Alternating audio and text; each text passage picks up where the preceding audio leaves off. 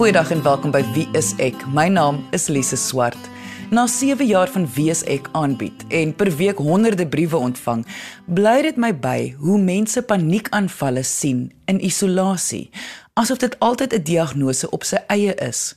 In vandag se episode wil ek graag die punt duidelik maak dat paniekaanvalle nie altyd in isolasie staan nie, maar dat dit 'n simptoom van iets anders kan wees. Dit geld vir beide kinders en volwassenes. So indien jy of 'n geliefde paniekaanvalle ervaar, sou ek aanraai om nader te skuif of die potgoed dalk aanstuur na ander mense sodat ons die erns van hierdie situasie kan verstaan. Ek het 3 gaste vandag. Kliniese sielkundige Johannes Schikkerling, voorligtingsielkundige Christine Nel en dan ook opvoedkundige sielkundige Karen Gerber. Al drie het die ervaring in die behandeling van beide kinders en volwassenes. Begin met wat is 'n paniekaanval? Met ander woorde, wat ervaar 'n persoon of 'n kind? Dis 'n oomblik waar jy ewe skielik, dit voel baie keer of dit uit die blou tyd is, 'n intense vrees of 'n intense gevoel van 'n uh, eh, magteloosheid of oorweldiging ervaar. En mense se hartklop gaan op, hulle palm sweet, hulle raak kort asem, party mense kry ontsteltenis in hulle in hulle maag. Daar's 'n sensasie dat hulle 'n tekort het aan asem of dat hulle versmoor. Baie kere is dit ook gegaan dit ook gepaard met 'n ongemak in die in die borskas. Sekere mense begin duiselig voel asof hulle wil omval of daar is hierdie ehm um, hitte gloede wat hulle ook kry. Sommige mense het ook sensasies in hulle vingers soos pins en needles. En mense het 'n uh, intense vrees dat hulle gaan beheer verloor of hulle gaan doodgaan of iets verskrikliks gaan gebeur. En die vrees om beheer te verloor is dan baie intens en oorweldigend. 'n Kind se afwagting op 'n groot gebeurtenis wat angs veroorsaak, is dan natuurlik wat 'n angsaanval trigger of veroorsaak. Byvoorbeeld om voor die klas te praat, om 'n mondeling te doen of aan 'n konsert deel te neem of so iets. Dit is 'n situasie wat geweldige angs by 'n kind veroorsaak. Maar sodra daai kind uit die situasie uit is of die geleentheid is verby, dan daal die angsvlakke weer en die kind kan eintlik aangaan soos wat hulle voorheen was. 'n Paniekaanval is eintlik iets heeltemal anders. So 'n paniekaanval is wanneer daar is nie eintlik enige duidelike gevare of enige stresvolle situasie wat die kind 'n afwagting oor het nie. Dit kom eintlik uit die bloute uit. En dit is baie keer wat dit vir kinders dan geweldig eintlik verder die angsvlakke opjaag want hulle kan dit nie voorspel nie. Hulle weet nie wanneer hierdie paniekaanval weer gaan gebeur nie want dit kom uit die bloute uit. En hierdie aanval gebeur binne minute. Dit is nie 'n aanhoudende ding nie. En dit kan wees dat dit uit niks uitkom of dit kan ook uit angs uitkom. As iemand moes sien hoe iemand 'n paniekaanval kry, wat sou hulle sien? Hulle sal waarskynlik sien op iemand se gesig iets is nie reg nie, so daar's 'n vrees uitdrukking op iemand se gesig of 'n skok uitdrukking op hulle gesig. Iemand sal kort asem raak of sukkel om asem te kry. Iemand kan vries of in mekaar sak en hulle gaan waarskynlik nie reageer op insette van buite af nie. En as gevolg van die liggaamlike ongemak kan hulle dalk 'n deel van hulle liggaam vashou soos hulle hart of hulle maag of hulle bors of so iets. By kinders kan 'n mens 'n verskeidenheid van reaksies raak sien. Jy sal baie keer sien 'n kind raak geweldig emosioneel. Hulle sal huilerig raak. Hulle kan ook geweldig skree of gil. Dit dit lyk letterlik soos 'n kind wat hysteries raak. En um, dit kan nogal ontstellend wees om dit te sien, want groot mense en ander kinders weet dalk nie wat het dit veroorsaak nie en wat kan hulle doen in daai situasie nie. Wat dan nou verder gebeur is omdat dit 'n paniek reaksie is, is 'n kind se asemhaling baie vlak, so hulle kan baie keer lyk like asof hulle gaan hiperventileer. Hulle kry nie genoeg asem in nie. En dan sal 'n kind baie keer voel hulle gaan flou raak of hulle hulle kan nie genoeg asemhaal nie en sal baie keer dan iets sê soos dit voel asof ek gaan doodgaan, my hart gaan bars, Uh, dit is die tipe woorde wat 'n mens baie keer hoor. En dan wat ook soms met kinders gebeur is dat 'n paniekaanval amper half oorgaan na 'n aggressiewe reaksie toe. Maar dit is nie 'n reaksie waar 'n kind doelbewus iemand probeer seermaak nie. Hierdie is eintlik 'n vlugreaksie. As 'n mens nou dink aan daai tipiese veg of vlug waarin jy gaan wanneer jy paniekerig raak, is 'n kind se vlugreaksie so sterk dat hulle ten alle onkoste uit 'n situasie uit wil ontsnap snap waar hulle daai paniekaanval ehm um, het. Mm. En dan sal jy baie keer sien dat kinders sal begin skop en slaan en amper weghardloop of onder 'n tafel inklim en maak nie saak wat jy doen nie, jy kan nie die kind daar uitkry nie. Soos ek aan die begin van die episode gesê het, is paniekaanvalle nie altyd 'n diagnose op sy eie nie. So wanneer ervaar iemand paniekaanvalle? Soos ons vroeër gesê, dit kan letterlik uit niks uitkom nie. Of mense het die ervaring dat dit van niks afkom nie. Dit som net hier uit die bloute uit. Maar wat ons wel weet, is dit is deel van die angsversteurings. So Paniekaanval gaan regtig oor angs. Iemand is bang vir iets of iemand word in 'n konfrontasie of is in 'n situasie waar hulle gekonfronteer word met iets wat by hulle trigger waar hulle dan 'n paniekaanval het. 'n Mens kan 'n paniekaanval kry vanaf 'n rustige staat of wanneer 'n staat waar jy al klaar angstig is en daai is net die laaste strooi op die kameel se rug. So baie keer is daar 'n baie duidelike sneller as iemand byvoorbeeld post-traumatiese stres het en hulle word gekonfronteer met iets wat hulle herinner aan die traumatiese ervaring, dan kan hulle eh, dan sal 'n duidelike sneller vir die um, paniekaanval. Soos baie keer wat ons kry as iemand se man ongeluk was en hulle klim nou weer in die kar en dieselfde amper situasie gebeur met hulle dat hulle dan 'n paniekaanval kry in die kar. Maar baie keer voel dit vir mense asof dit heeltemal uit die bloute uitkom en hulle weet glad nie wat is die oorsaak daarvan nie. So daar's nie altyd 'n voorskriftelike ding van wanneer kry iemand dit nie, um, of wanneer ervaar iemand dit nie.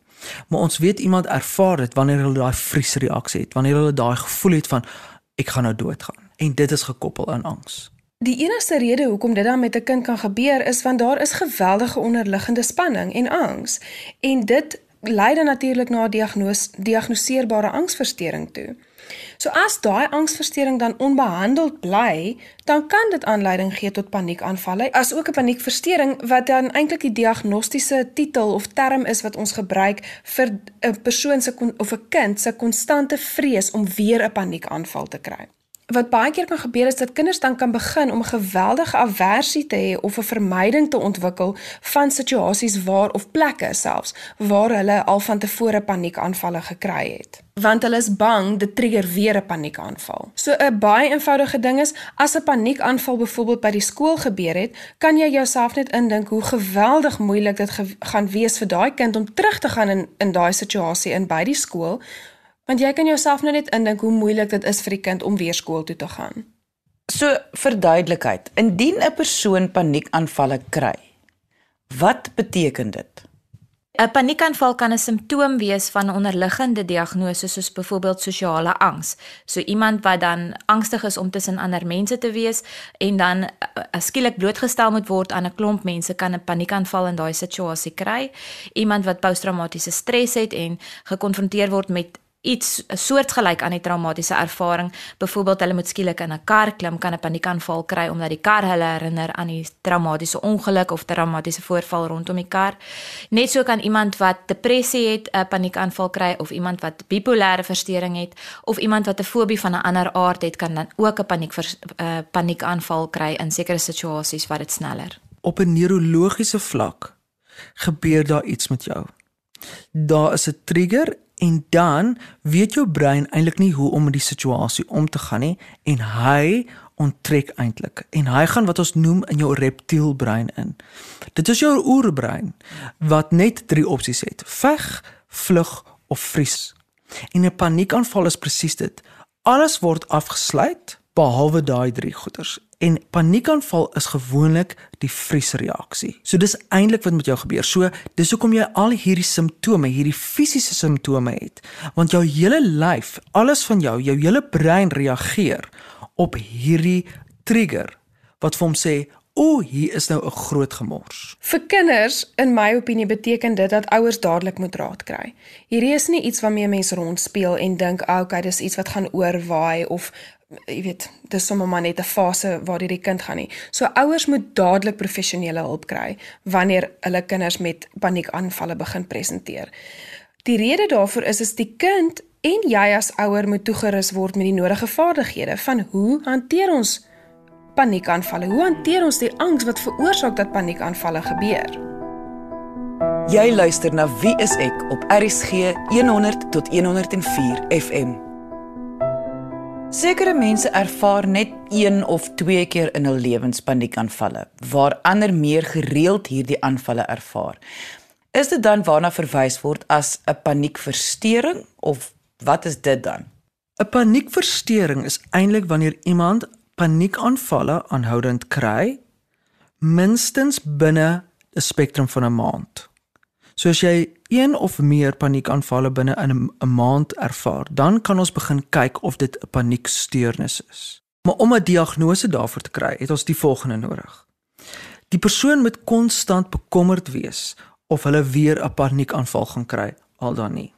En ook wat gaan die gevolge wees daarvan? Gaan ek mal word? Gaan ek 'n hartaanval kry? Ek besig om beheer te verloor.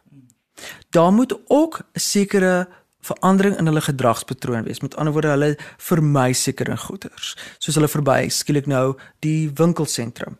Die steurnis moet nie deel wees van een of ander substans wat 'n persoon gaan kan gebruik nie. En die ander baie belangrike een is dit moenie beter verduidelik kan word teen een of ander ander diagnose, het sy dit psigiatries of fisies nie. Die meeste mense sien paniekaanvalle as 'n diagnose op sy eie in isolasie. Maar tog is dit belangrik dat mense moet besef paniekaanvalle kan 'n teken of simptoom wees dat iets anders verkeerd is. So ek en my 3 gaste bespreek vandag paniekaanvalle en die moontlike oorsake daarvan. My gaste is kliniese sielkundige Johannes Schikkerling, voorligtingsielkundige Christine Nel en opvoedkundige sielkundige Karen Gerber. Indien jy nou eens ingeskakel het en voel jy wil graag die volledige episode luister, kan jy die potgooi gaan aflaai op RSG se webwerf by www.rsg.co.za. Maar kom ons luister verder na my gesprek met Johannes, Christine en Karen oor paniekaanvalle in beide volwassenes en kinders. Hoekom is dit nodig om klem te lê op paniekaanvalle? Internasionale navorsing wys as mens spesifiek na kinders kyk, dat dit omtrent een van die kondisies is wat besig is om teen 'n verskriklike spoed op te tel. Daar wys basies dat die hoeveelheid kinders wat gehospitaliseer word juis vir angs net in die afgelope jaar ongelooflik verhoog het. En omtrent 2/3 van kinders tussen die ouderdom van 10 en 11 jaar bekommer die meeste van die tyd oor goeters. So dit is as 'n mens kyk na die internasionale trends, ehm um, wanneer dit spesifiek kom by kinder mental well-being of geestesgesondheid, is dit 'n baie baie groot bekommernis dat as soveel kinders druk en angs en spanning ervaar en depressie of wat die um, geval nou ook al mag wees, dat daar dit is kommerwekkend. Dit beteken kinders cope nie eintlik met die lewe en die druk wat die lewe op hulle plaas nie. So dis nodig om kennis te neem van paniekaanvalle, maar natuurlik ook die faktore wat bydra daartoe. Mens wil jou vra, hoekom sukkel kinders deesdae emosioneel so? En een van in my opinie een van die grootste faktore en dit is nie net in my opinie nie, maar navorsing bewys dit ook dat die blootstelling aan sosiale media dra geweldig by tot hierdie um epidemie van angs wat ons deesdae onder kinders sien. En die rede hoekom dit gebeur is die die cyber world is baie aanloklik. Jy weet, dit is kinders word deesdae met selfone groot. Jy weet hulle word amper met 'n soos wat jy sê, die kind word met die dummy in die mond groot. So word kinders deesdae met selfone in die hand groot. So daai skermwêreld is so aanloklik vir kinders, maar dit is eintlik 'n plek waar hulle die gevaar loop om aan negatiewe goeders blootgestel te word en geweldig maklik. So kinders op 'n jong ouderdom is kwesbaar vir goed soos cyberbullying want hulle het nog nie die emosionele vaardighede en en um coping skills en dit is bloot op 'n breinontwikkelingsvlak het hulle nog nie die vaardighede om dit te kan bestuur nie. So daai hele kuberwêreld maak hierdie hierdie ruimte oop waar kinders se selfbeeld aangetast word want hulle kyk na ander mense op byvoorbeeld Instagram en Facebook wat kamstig hierdie fantastiese lewe lei wat nie eintlik die waarheid of die realiteit is nie, maar hulle meet hulle self volgens daai standaard en dit lei dan tot selfbeeldkwessies, liggaamskwessies en al hierdie goeters natuurlik gee dan verder aanleiding na angs toe. Dit beteken dat 'n persoon sukkel om sekere snellers of sekere stresore te hanteer en dat die liggaam dan 'n baie sterk reaksie daarop toon. As dit nie behandel word nie, kan dit 'n mens se lewenskwaliteit ernstig inperk. Mense kan sekere vrese ontwikkel, byvoorbeeld om te bestuur of om hulle huise te verlaat.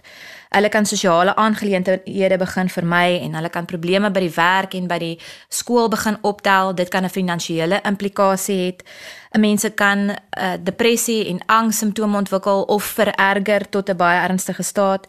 Mense se selfbeeld begin onderlei en dit kan mense ook baie kwesbaar maak om middels te begin misbruik byvoorbeeld iemand wat sosiale angs het en paniekaanvalle kry in sosiale situasies, kan dan begin drink sodat hulle kan ontspan in sosiale ehm um, situasies en dan self medikeer hulle eintlik op 'n baie ongesonde manier. En dit is gewoonlik gekoppel aan een of ander angs wat die persoon dan op daai stadium ervaar. Het sy dit verlede tyd angs, het sy dit 'n onlangse ongeluk, het sy dit die persoon bewus is van die angs of nie bewus is van die angs nie, maar dit het meeste van die tyd te doen met angs of 'n vrees vir iets. Wat is julle advies om tydens 'n paniekaanval te doen? Die enigste ding wat jy eintlik kan doen, is jy moet toelaat dat jou brein vanuit die paniek uitkom en dan amper die res van die stelsel weer aan die aan die skakel sit. Dit help nie jy probeer iets doen in daai moment nie, want jou oerbrein is besig om oor te neem. Jy gaan in oorlewingsmodus. En dan kan jy nie eintlik iets daar doen nie. Inteendeel, mense wil baie graag iets doen, maar hulle kan nie en dit laat hulle nog meer magteloos voel. So as jy paniekaanval kry, staan stil. Wag tot hy oor is en eers as jy nou weer terugkom en die res van jou brein is geaktiveer, dan kan jy besluite neem om wat om volgende te doen. Ek sou iemand aanraai om dadelik te gaan sit. Dit ehm um, verminder net jou kanse dat jy kan omval en seer kry, so dit maar net baie prakties en dan te konsentreer op iets spesifieks. En dit kan wees iets wat jy miskien op die grond sien en en vir jouself te sê wat sien jy? Hoe sien jy dit en en ehm um, vir jouself dit te begin beskryf in soveel detail as moontlik. Ehm um, mense het ook al gesê om te tel tot sê nou maar by 100 help vir hulle om ook op iets spesifieks te konsentreer. En dan die ehm um, die ou voorbeeld waar mense in 'n in 'n plastiek sakkie of 'n pa, uh, papier sakkie asemhaal is tog ook iets wat baie keer vir mense nuttig is want jy hoor die papiersakkie in en uit gaan. Jy konsentreer om dit al hoe stadiger te doen en jy sien hoe die sakkie in en uit gaan en dit fokus jou aandag dan ook op daardie eksterne ding. Maar ongelukkig kan 'n mens nie die paniekaanval net laat verdwyn nie. Mens moet dit maar net in die oomblik so goed bestuur as wat jy kan. By kinders wil ek sê mens moet onder geen omstandighede probeer om die kind vas te druk of te probeer vashou want jy wil nou troos nie. Dit trigger nog meer daai veg respons van 'n kind. Ehm um, ja en en dit uh, is eintlik in daai oomblik is die kind glad nie rasioneel nie. So dit kan eintlik vir hulle verskriklik bedreigend voel as hulle vasgehou word.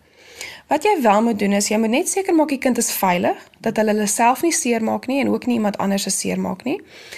So dit is nou in die situasie wat jy doen wanneer die kind wel 'n aanval kry. So jy maak seker hulle is veilig en 'n volwasse vertroude persoon wat wat die kind vertrou moet net daar wees en en doodkalm net hoe kalmer jy bly, hoe beter vir die kind. En jy hou net aan om vir die kind te sê jy is veilig, jy gaan oukei okay wees, ek is hier dit is oukei okay. en jy gee eintlik die paniekaanval net 'n kans om uit te speel. So dis basies as 'n mens dit nou wil vergelyk met 'n golf. Jy kan nie 'n golf keer nie. Die golf gaan kom, hy moet spoel en en hy sal verbyspoel. En dis eintlik wat 'n mens met 'n paniekaanval ook net moet kans gee. Jy moet regtig net die kind die paniekaanval kans gee, die kind kans gee en hulle gaan weer rustig raak. En gewoonlik na 'n paniekaanval is 'n kind geweldig moeg. So jy moet eintlik dan vir die kind 'n kans gee om net ergens te rus. So as dit byvoorbeeld by die skool gebeur, is dit verkieslik dat die kind miskien dan in 'n aparte kantoor net 'n bietjie dalk selfs 'n bietjie lê, um en en eintlik maar net rustig raak en en berus om dan later weer terug te gaan in die situasie in. Wat jy kan doen voor die tyd eintlik om om proaktief op te tree want die kind natuurlik as dit 'n paniekversteuring raak, raak die kind bekommerd dat dit weer gaan gebeur. Mm. En daaroor dit raak amper hierdie obsessiewe gedagteproses van dit gaan weer by die skool gebeur of dit gaan weer in die klas gebeur. En daarom moet jy voor die tyd eintlik met jou kind vir hulle amper half tools gee van wat kan hulle doen wanneer hulle voel hulle raak paniekerig of hulle raak angstig. Dan sal jy vir jou kind sê, jy gaan nie jy gaan nie doodgaan nie al voel dit vir jou so, ek kan jou garandeer in 'n paniekaanval gaan jy nie doodgaan nie.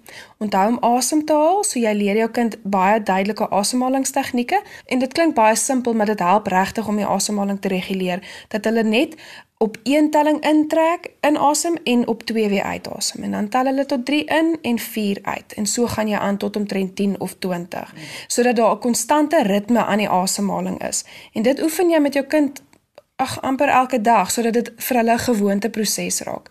En met klein kleintjies wat nog nie lekker die konsep het van in en uit asem nie, kan jy amper vir hulle half leer um, hoe blaas jy 'n kersie uit. Dan kry hulle die regte liggaams manier om om die kersie uit te blaas. En dan kan jy natuurlik ook vir jou kind help om voor die tyd plekke of mense te identifiseer dat wanneer hulle so begin voel, waartoe kan hulle gaan of vir wie moet hulle sê of dat die onderwyser weet dat as die kind die klaskamer verlaat en badkamer toe wil gaan, dat daar spesifieke rede daarvoor is.